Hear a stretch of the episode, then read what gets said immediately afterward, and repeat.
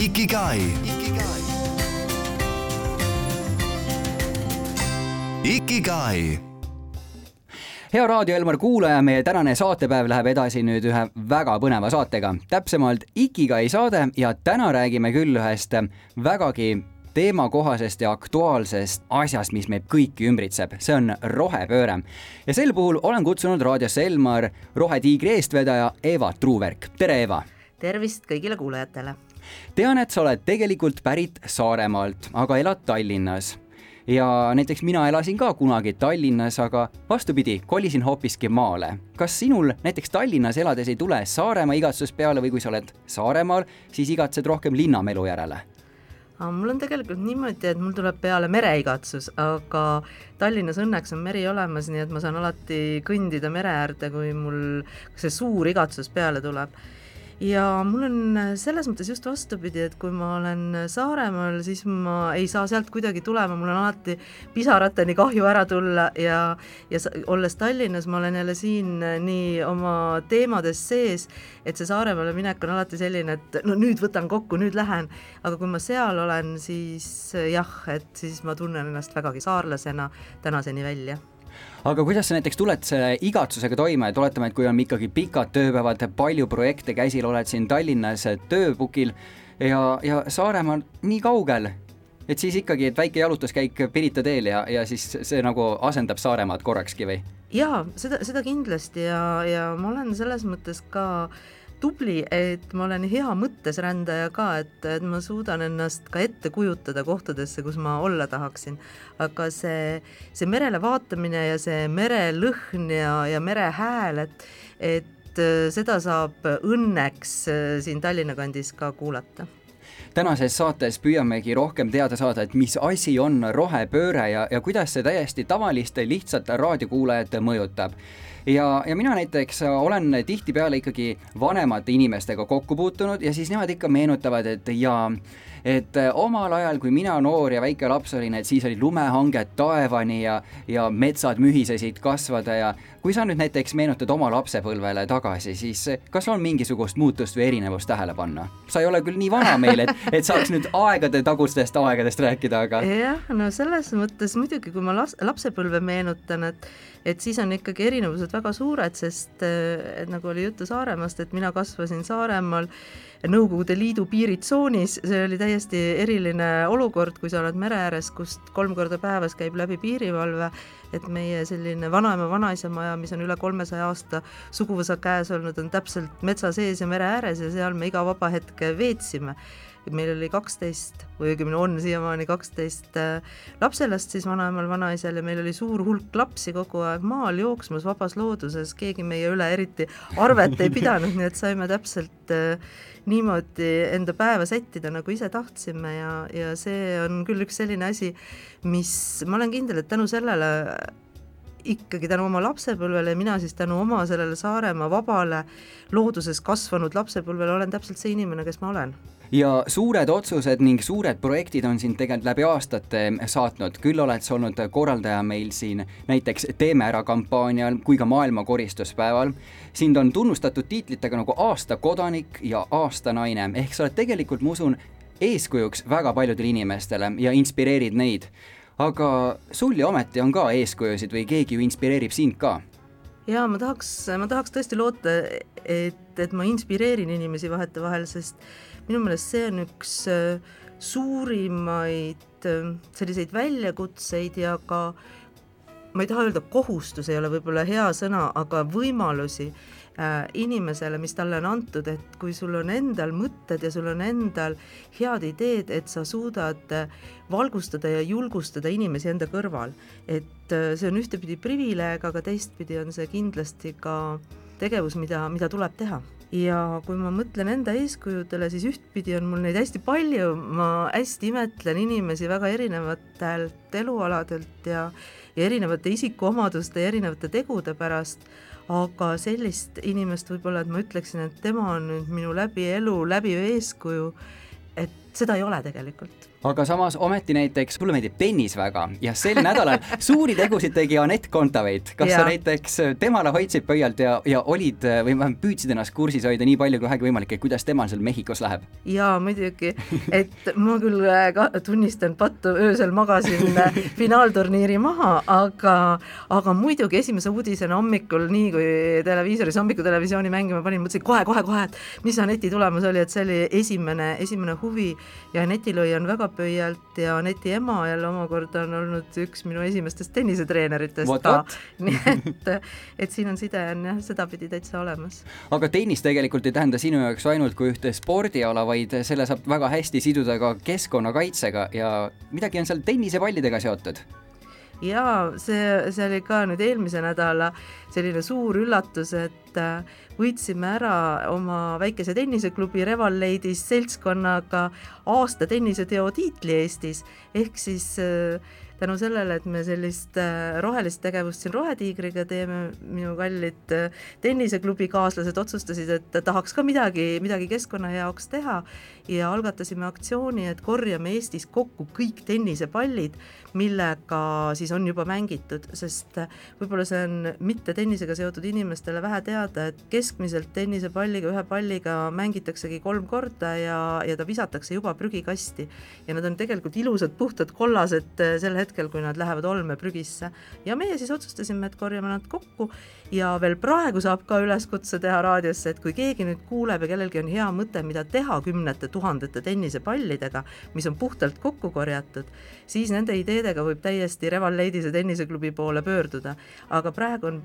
meil see plaan, et me saadame nad Taani ja seal on üks meesterahvas, kes on siis äh, leppinud kokku Taani mööblitehastega, et seal saavad meie tennisepallidest tallaalused äh, mööblile, et nad ei kriibiks ära siis taanlaste põrandaid nii et see on ka väga-väga hea näide ringmajandusest, et kui on olemas selline fraktsioon, mille saab puhtalt kokku korjata, siis seda saab kindlasti ka väga mõnusasti ära kasutada. väga tore taaskasutus tõepoolest. ja tean, et eelmisel nädalal tulid sa tagasi Glasgow'st maailma kliima tippkohtumiselt, teeme siin väikese muusikalise pausi ja seejärel juba räägimegi, millised otsused sündisid Glasgow's. I fill my lungs with smoke Believe the fire can be outrun I look up to the stars, waiting for the damage to be undone. Our rivers have run dry, the tables, chairs are empty. It was love at the first fake smile, I just shoot the gun you hand me. Past the point of no return, keep going on. I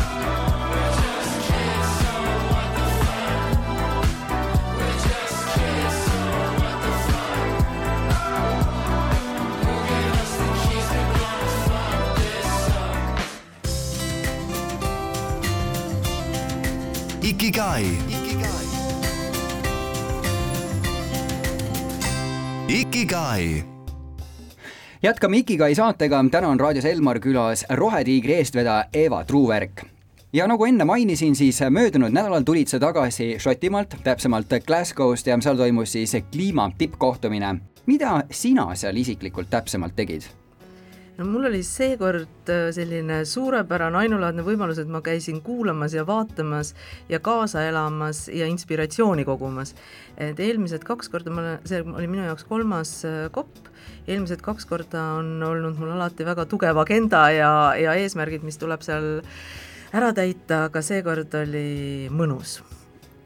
nüüd natukene lasen oma mõttel hõljuda. teadupärast siin viimastel kuudel näiteks elektri hind Eestis on ikka märgatavalt tõusnud ja mõnes mõttes mõned inimesed lükkavad seda just rohepöörde kaela. ja seal Glasgow's näiteks India ütles, et nemad loobuvad kivisöe kasutusest alles aastaks kaks tuhat seitsekümmend. Eesti Energia on samas aga välja öelnud, et nemad siis loobuvad põlevkivist elektrienergia tootmise aastaks kaks tuhat kolmkümmend ja nüüd, kui ma hakkan mõtlema, tilluke Eesti ja ühe koma nelja miljardi elanikuga India. et kui India saab veel pärast meid nelikümmend aastat ütelda mõnusalt lulli lasta odavama elektriga, aga meie peaksime nagu siin selle lõbu kõik kinni maksma, kas, kas see väide nagu mõnes mõttes võiks kuidagi paika pidada või, või on näiteks selliste inimeste mõtteviis, et rohepööre teeb meie elu kallimaks, vale? See on selles mõttes huvitav küsimus, pikk esiteks ja teiseks see, et sellele ma võiksin vastata vähemalt kümmet erinevat moodi ja kõige lühem vastus on see, et see ei ole nii väga hea vastus, miks see nii ei ole? sellepärast esiteks, et kui me räägime inimeste arvu kohta saastamisest, siis Eesti on üks maailma tippriike tegelikult. nii et me ei saa siin midagi ennast väga kiita ja öelda, et meie ei peaks midagi tegema. Teiseks on see, et kõik muutused algavad igast inimesest iseendast, et juba ema Theresa on öelnud, et kui iga inimene pühiks puhtaks enda uksetaguse, oleks maailm puhas. ehk siis, et me peame igaüks tegema ära oma osa siin ja me ei saa kõik, kogu aeg teistele näpuga näidata, et, et sina ei tee ja kui sina enne ei tee, siis mina üldse tegema ei hakka sest see ei vii lõpuks mitte, mitte kuhugi ja siis on tulemus see, et mitte keegi ei tee mitte midagi. nii et äh, kõik taandub ikkagi inimese isiklikule otsustusele, isiklikule vastutusele ja, ja muuta me saame ainult iseennast, me saame, me ei saa mitte kuidagi Indiat sundida kiiremini või aeglasemalt tegutsema, me saame teha ise õiges tempos ja me saame olla eeskujuks ja taaskord motiveerida ja näidata, et, et selline asi on, on võimalik, et, et olla tubli ja näidata ka, et millised on siis need kasud iseendale ja ka maailmale, kui me hakkame varakult tegutsema. ja kui siin oli sellest elektri hinnast jutt, siis minu arusaamine ja nägemus on see, et me ei saa siin kindlasti rohepööret süüdistada, et hind on kõrge ja öelda, et nüüd me peame astuma vanadesse saabastesse tagasi, vastupidi, me peame jooksma nii kiiresti kui võimalik nendest vanadest saabastest eemale, sest hind ongi meil kõrge ainult seetõttu, et me ei ole oma uusi, uusi saapaid susse piisavalt kiiresti valmis ehitanud. kui meil täna oleksid olemas taastuvenergia võimsused, kui me oleks hakanud kümme aastat tagasi sellega tegelema, siis meil täna seda probleemi ei oleks Glasgow kohta ütlesid, et sa käisid seal inspiratsiooni kogumas. millise inspiratsiooni tulvaga sa tulid sealt tagasi? ma sain sealt tegelikult inspiratsiooni ja mina olen selles, selles kildkonnas, kes siis ütleb, et et see ei ole täielik läbikukkumine, mis Glasgow's toimus, sest olles käinud jah, Rios kaks tuhat kaksteist ja Pariisis COP-il kaks tuhat viisteist, siis need kaks korda oli mul täiesti masendus peal, kui ma tagasi tulin. ja siis olime me maailmas minu meelest sellises rohepöörde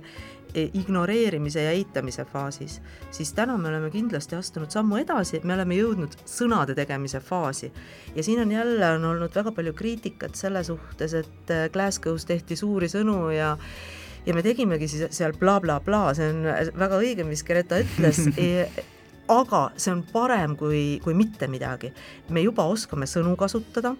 õigesti, me juba teame, kes kellega peab rääkima, me oleme loonud suhtluskanalid, me teame, kes räägib Euroopa Liidu eest läbi, kes räägib Ameerika Ühendriikide, kes India eest, need inimesed on füüsiliselt kokku saanud omavahel. Ehk siis, kui nüüd juhtub midagi suurt ja koledat, siis on need liinid, on meil, meil töös. Ja järgmine samm ongi see, et me jõuame päriselt plaanide ja tegudeni ja sõnades oli seda kogu aeg kuulda ka Glasgow's, et otsitakse plaani, otsitakse tegusid, et me peame tegema tegusid, aga lihtsalt keegi veel ei tea, mida teha. ja võib-olla on, on kurb näha ka seda, et et jah, et seal me puhvime ennast ilusasti mhm. üles, me räägime seda, mis me oleme hästi teinud, aga siis samas me tuleme koju tagasi, näiteks Eesti hea näide, tuleme koju tagasi ja samal nädalal paneme siis nurgakivi põlevkivitehasele, millest Glasgow's Eesti ei rääkinud sõnagi. ja sama asi näiteks Ameerika Ühendriikidega, et äh, Biden tegi väga ilusaid sõnu, andis äh, lubadusi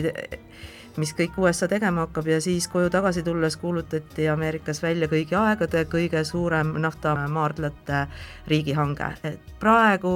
veel meil sõnad ja teod mitte ei taha kokku käia, aga ma väga loodan, et, et kui me oleme järgmisel kopil või hiljemalt ülejärgmisel kopil, et siis me oleme jõudnud sinna kohta, kus meil hakkavad tekkima päris plaanid ja sinna taha ka tegelikult teod õiges suunas.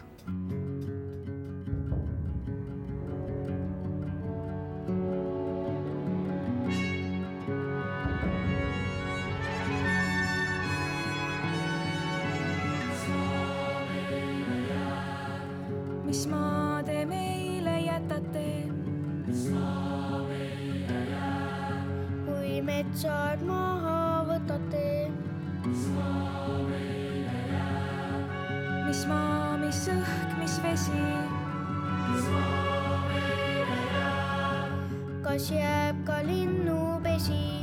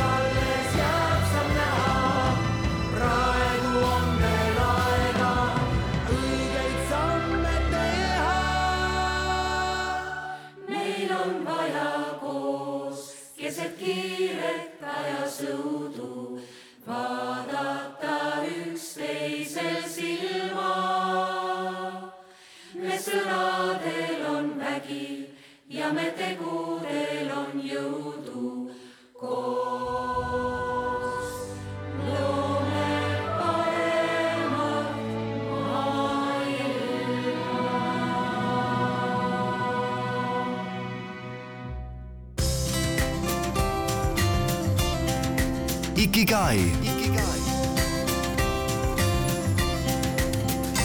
Ikigai. tänases saates on mitu korda käinud läbi sõna rohepööre, ma arvan, et seetõttu on mul vast kutsutud üks väga õige inimene siia Raadio Elmar stuudiosse, Rohetiigri eestvedaja Eva Truuverk. Eva, mis asi on rohepööre, kui me peaksime nüüd seletama seda näiteks lastele või, või inimestele lihtsalt? Ma arvan, et kui hästi lihtsalt seletada, siis äh, rohepööre on see, me käitume kodus tööl ja puhkehetkel looduse ja keskkonnasõbralikult. ehk siis äh, võtame näiteks näite, kui me läheme üle tee, tänava, me vaatame vasak-parem-vasak, et kas tuleb autot, et äh, samamoodi oma igapäevases elus me peame tegema kindlaks kaks asja, esiteks oma sellise äh, käitumise, ostuharjumused, enne igat ostu me peaksime hetkeks seisatama ja mõtlema, et kas mul seda asja nüüd nagu päriselt ka vaja on ja kas ma saan seda asja kasutada kauem kui kakskümmend minutit. et me ei ostaks ühekordseid asju, et me ei ostaks asju, mis meil vaja ei ole, et me ei ostaks sellist toitu, mille me järgmine päev prügikasti viskame, et me enda tarbimisharjumused mõtestaksime läbi ja lihtsalt natukene pühendaksime aega sellele, et me vaatame, mis me oma ostukorvi paneme. teine asi on oma, oma liikumisharjumused, oma transpordiharjumused, kas see, siin, kui palju me tegelikult võiksime jala käia, kui palju me peaksime isikliku autoga sõitma, lennukiga lendama, ma ei, ma olen kaugel sellest, et öelda, et seda ei peaks üldse tegema. aga me igaüks võiksime natukene talupoja mõistust rakendada oma igapäevaste harjumuste mõtestamisel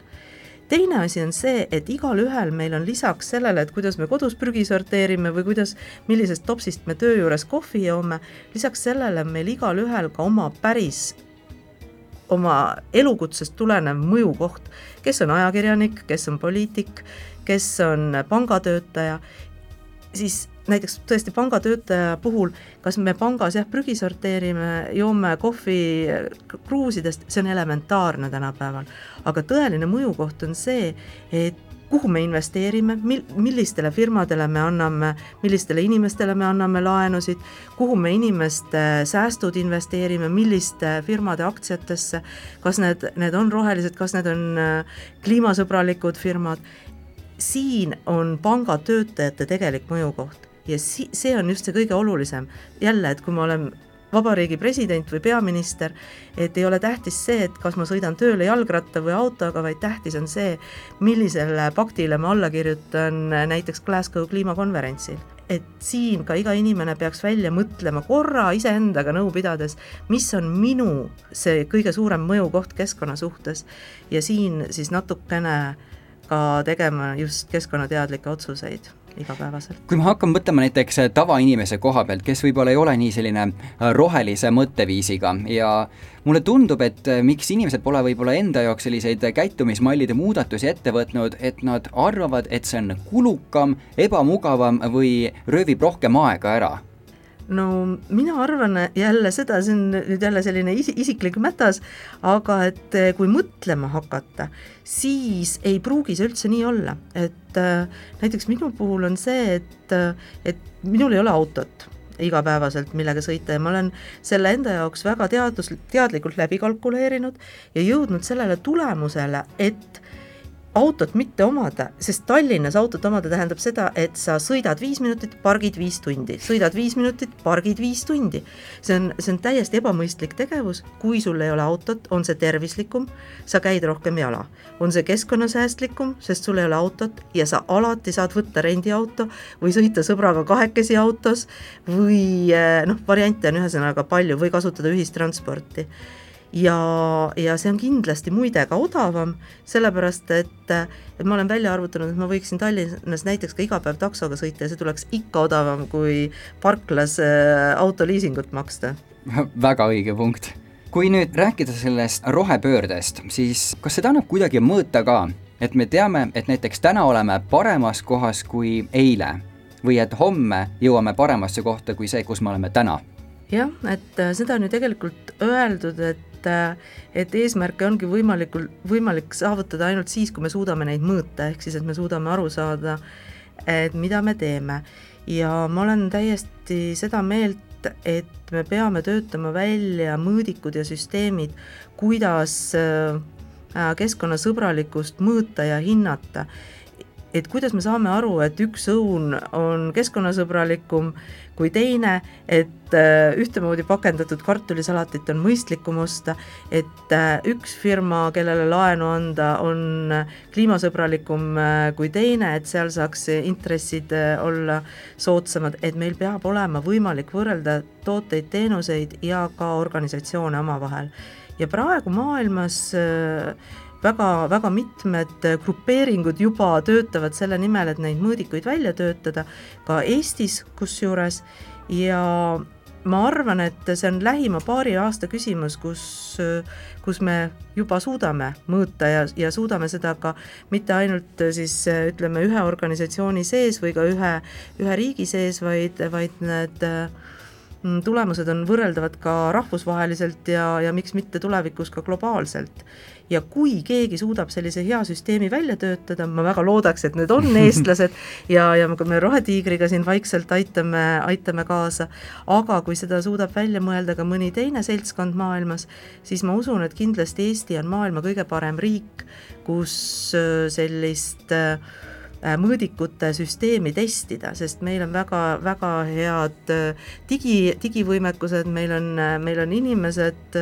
sellised, kes on valmis uusi asju katsetama, me oleme riigina piisavalt väike, et ma, ma siiralt loodan, et need mudelid on, on jah, juba lähiaastatel meil siin katsetamisel.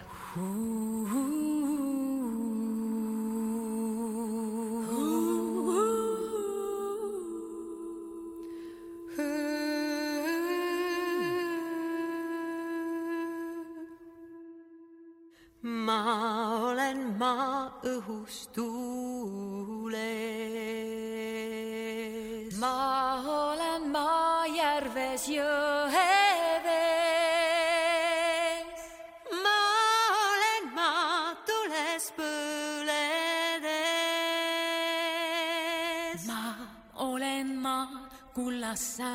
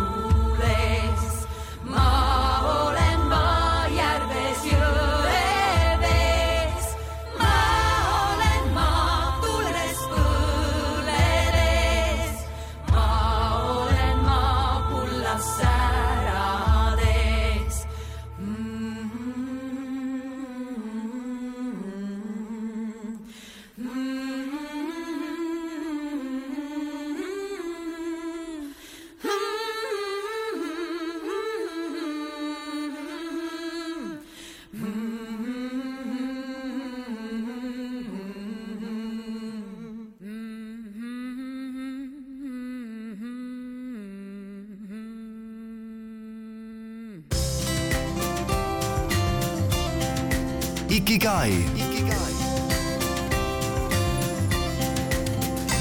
Ikigai jätkame rohepöörde teemadel. Eeva, kas ühel hetkel saame öelda, et rohepööre on toimunud või tegemist on sellise protsessiga, mis ei lõppe mitte kunagi, et ikka tulevad uued tehnoloogiad kasutusele ja see muudab meie elu aina säästlikumaks ja efektiivsemaks? Äh, ma olen täitsa kindel, et, äh, et me ei saa seda öelda, et rohepööre on toimunud. et see on sama, samasugune asi nagu digipööre ja, ja ka näiteks ütleme, tiigrihüppega ju siis tehnoloogia poole pealt me alustasime üheksakümne viiendal aastal Eestis ja täna me räägime, et tiiger on uinunud, aga hüpet on ikka edasi tarvis ja tiigrit tuleks utsitada. et kindlasti me ei saa ju öelda, et tiigrihüpe on nüüd tehtud ja me tehnoloogiale ja ja digimaailmale enam üldse tähelepanu ei peaks pöörama. et ma arvan, et täpselt samasugused arengud seisavad ja, ja palju kiiremad ja palju põhimõttelisemad seisavad meil ees äh, rohe- ja keskkonnateemadel ja, ja kindlasti see teekond ei lõppe äh, kümne, viieteistkümne, isegi saja aastaga me oleme, me oleme praegu alguses, aga, aga lõppu ma, ma ei näe aga mida näiteks vastaksite nendele inimestele, kes eitavad kliima soojenemist ja ütlevad, et rohepööret ja kulutusi sellele pole vaja, et näiteks maakera ongi iga teatud perioodi tagant kord soojenenud, kord jahtunud, et Antarktikas ka mitmed sajad miljonid aastad tagasi kunagi kasvasid palmid ja liikusid ringi suured sisalikud. jah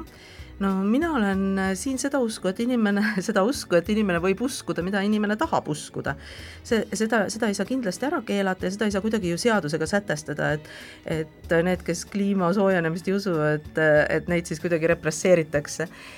vaid äh, tegelikult on niimoodi, et äh, mina lihtsalt usun seda,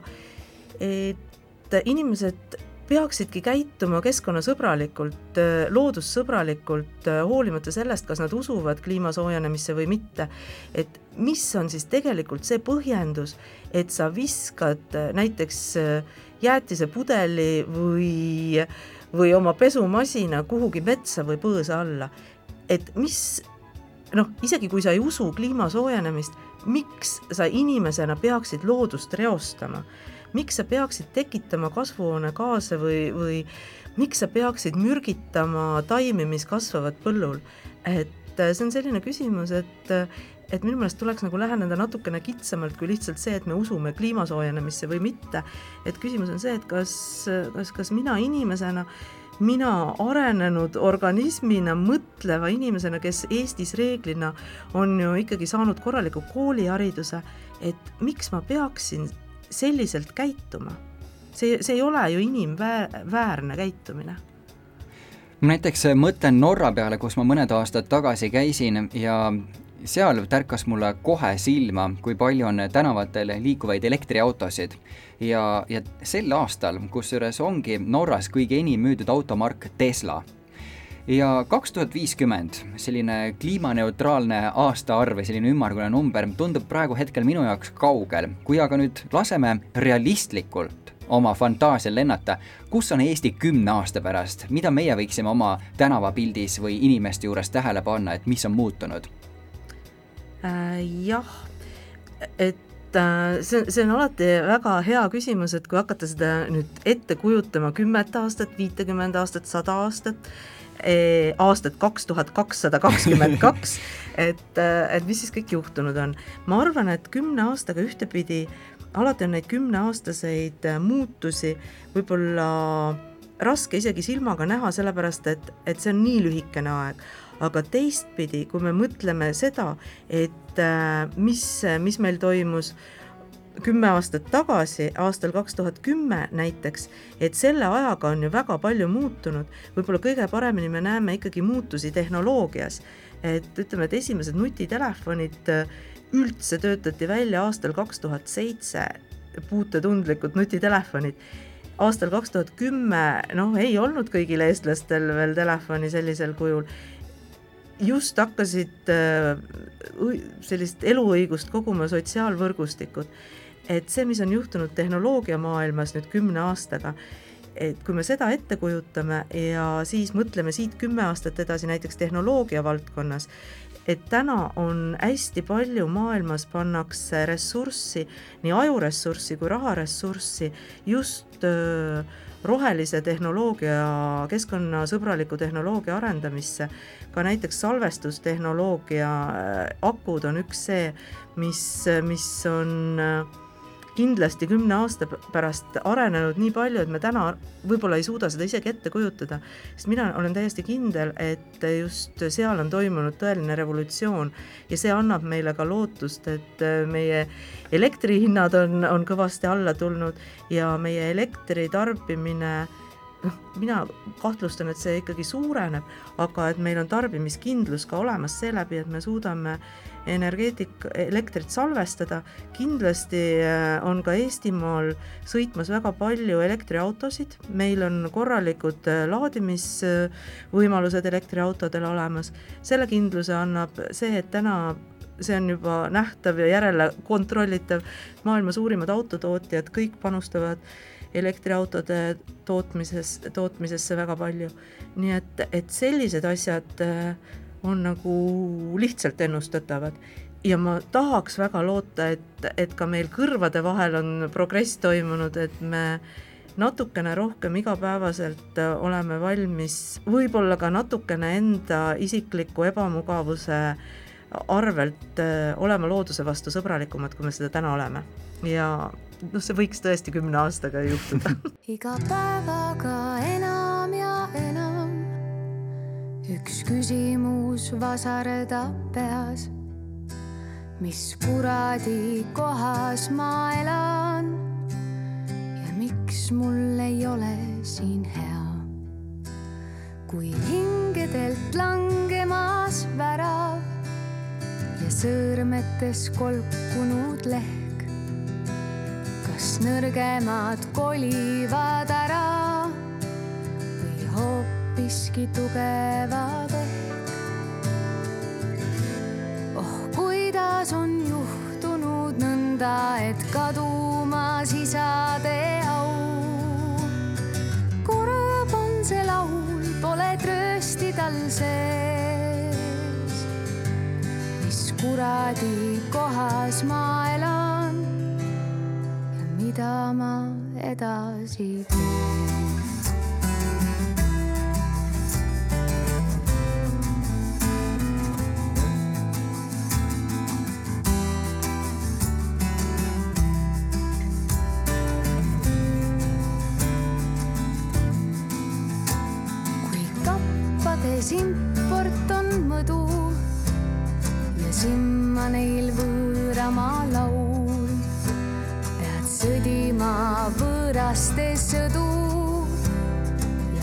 Võõraste katta on laud.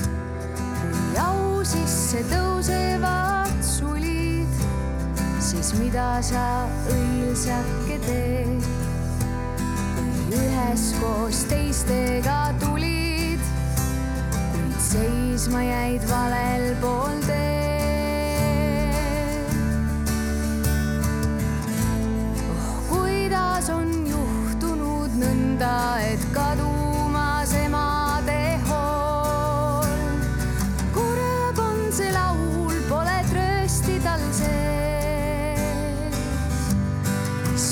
Kuradi kohas ma elan ja mida ma edasi teen.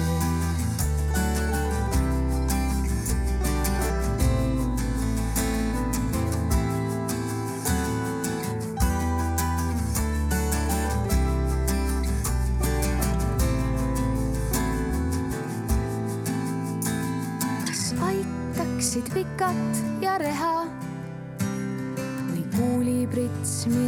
sa tea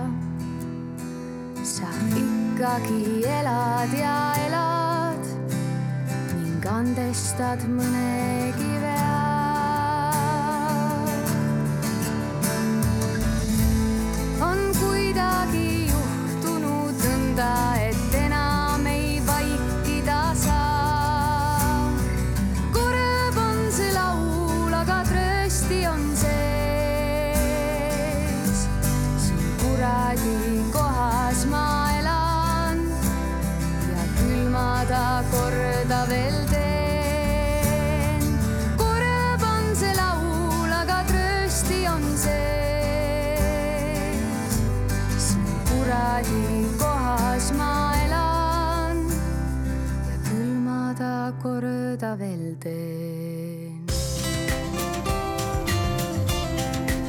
Ikigai. Ikigai tänases Ikigai saates oleme väga palju rääkinud just rohelisest mõtteviisist ja sellest, mida me saaksime ikkagi kõik teha, et kümne aasta pärast, viiekümne aasta pärast ja nii edasi jääks meist maha natukene puhtam ja parem koht. Eiva, sa oled suur aktivist, näiteks ka sellises organisatsioonis nagu Rohetiiger. millega seal täpsemalt tegeletakse? Rohetiiger äh, sõna ja mõttena sündis äh, raadiostuudios, kusjuures, kus Ohoh. ma esimest korda kuulsin sõna, et teeks Eestist rohetiiger, ütles Rauno Raal ja mul hakkas mõte jooksma ja kuidagi tundus väga-väga nunnu, kui Eesti oleks, oleks rohetiiger. ja sealt hakkas mõte vaikselt jooksma ja nüüd siis aastal kaks tuhat üheksateist novembris me alustasime avalikuks tulime kaks tuhat kakskümmend aasta augustis ja tänaseks siis oleme loonud Rohetiigri juurde ka esindusorganisatsiooni, kuhu siis hetkeseisuga kuulub juba kuuskümmend Eesti mõistes väga tugevat ja, ja ägedat äh, organisatsiooni. et see on võib-olla selline, selline ajalooline taust, aga mida me siis tegelikult teeme või mis me oleme, et äh, Rohetiiger on koostööplatvorm, selline sektorite ülene koostööplatvorm, et äh, muuta siis Eestit äh, laiapõhjaliselt selliseks keskkonnateadlikuks, loodussõbralikuks riigiks, mis võiks olla eeskujuks kõigile teistele maailmas. ehk siis, et me katsume välja töötada tasakaalus majanduse mudeli siin, selle, selle mudeli ära kirjeldada ja siis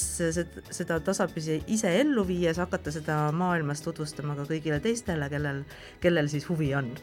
Eva, ma näen sinu silmas sära, sa oled väga innukas just selle teema juures ja, ja sa tahad seda sõnumit väga paljudeni nii-ütelda kohale viia ja sa tahad, et sõnadel oleks tegu ka. mis annab sulle seda jõudu? sest kui iga eestlane praegu raadio ees, kõik me oleksime sellised nagu sina, siis maailmakaardi peal Eesti oleks kõige rohelisem täpp. jah, kindla-, kindlasti oleks aga ma arvan, et äh, ma olen ka ise vahest mõelnud seda, et huvitav, et, et kust tuleb inimese energia, kust tuleb see motivatsioon ja ma, minu puhul see tuleb kindlasti, kindlasti kahest allikast. esiteks see tuleb inimestest Mi,, mina saan hästi palju energiat, inspiratsiooni, motivatsiooni inimestest, kes on mu ümber. et tegelikult inimestel silmad säravad vastu, ka sinu silmad säravad praegu vastu täiesti, et Sest teema on huvitav. teema on huvitav ja, ja ma puutun iga päev kokku nii paljude inspireerivate, toredate, südamlike, lihtsate inimestega ja mina saan päriselt ka, ma saan oma jõu ja energia sellest suhtlemisest. Ja teine asi on see, et ma arvan, et inimesed, noh, vähemalt mina saan oma energiaga hästi palju sellest, kui sa oled leidnud oma elu äh, ülesande, ehk siis, et sa oledki sattunud tegema seda tööd, mis sa tunned, et on sulle südamelähedane, kus sa saad panustada ja siis tuleb ka see energia, siis tulevad need head mõtted. Ja, ja siis ka silm särab, et, et tuleb üles leida see, see oma õige asi, see oma asi, et olgu see siis kas porgandi kasvatamine, maja ehitamine või, või äh, rohepöörde utsitamine, et, et eks igalühel on see natukene, natukene erinev Eeva, suur tänu, et sa tulid täna siia raadiosse, Elmar, ja jagasid oma inspiratsiooni rohemaailma ja rohepöörde ja kõige sellega kaasnevas meie raadiokuulajatele. ma loodan, et sinu silmades on seda sära edaspidi veel palju ja veelgi rohkem oleks sul neid häid mõtteid, mis tuleks uksest ja aknast. ja et me selle saate nüüd ikkagi ühe mõnusa sellise tundega lõpetaksime, siis äh, milline võiks olla selline lõpulaul, mis võib-olla kannaks mingit sõnumit sinu jaoks? jah, et võib-olla see lõpulugu nüüd ei olegi nii positiivses võtmes, ta on lihtsalt üks väga-väga ilus laul ja see laul, alati kui ma satun seda kuulama, see puudutab mind väga sügavalt. See on äh, Ülo Vinteri laul Põhjamaast. Ja kui me seda kuulame nüüd hästi põh-, noh, niisuguse sõnumina, siis seal räägitakse öö, lumme uppunud äh, metsaradadest ja, ja metsataludest, et äh, ma alati mõtlen seda, et huvitav, kui seda laulu kuulavad eestlased saja aasta pärast, et äh, kas see kõik on meil siis veel alles või on see siis, ma näen, et see, see, see on sõnum väga mõjutab ja jah, tõesti. et, et jah, et kas siis on meil veel alles need metsateed ja, ja need lumme uppunud talud, kas on need virmalised meil veel alles, et või on siis see laul selline, et inimesed küll kuulavad seda, aga nad enam ei tea, millest lauldakse nii et, et ma soovin, et me täna siis kuulame seda laulu veel selliselt, et loodetavasti kuu aja pärast saame õue minna ja seda kõike nautida siin Eestimaal.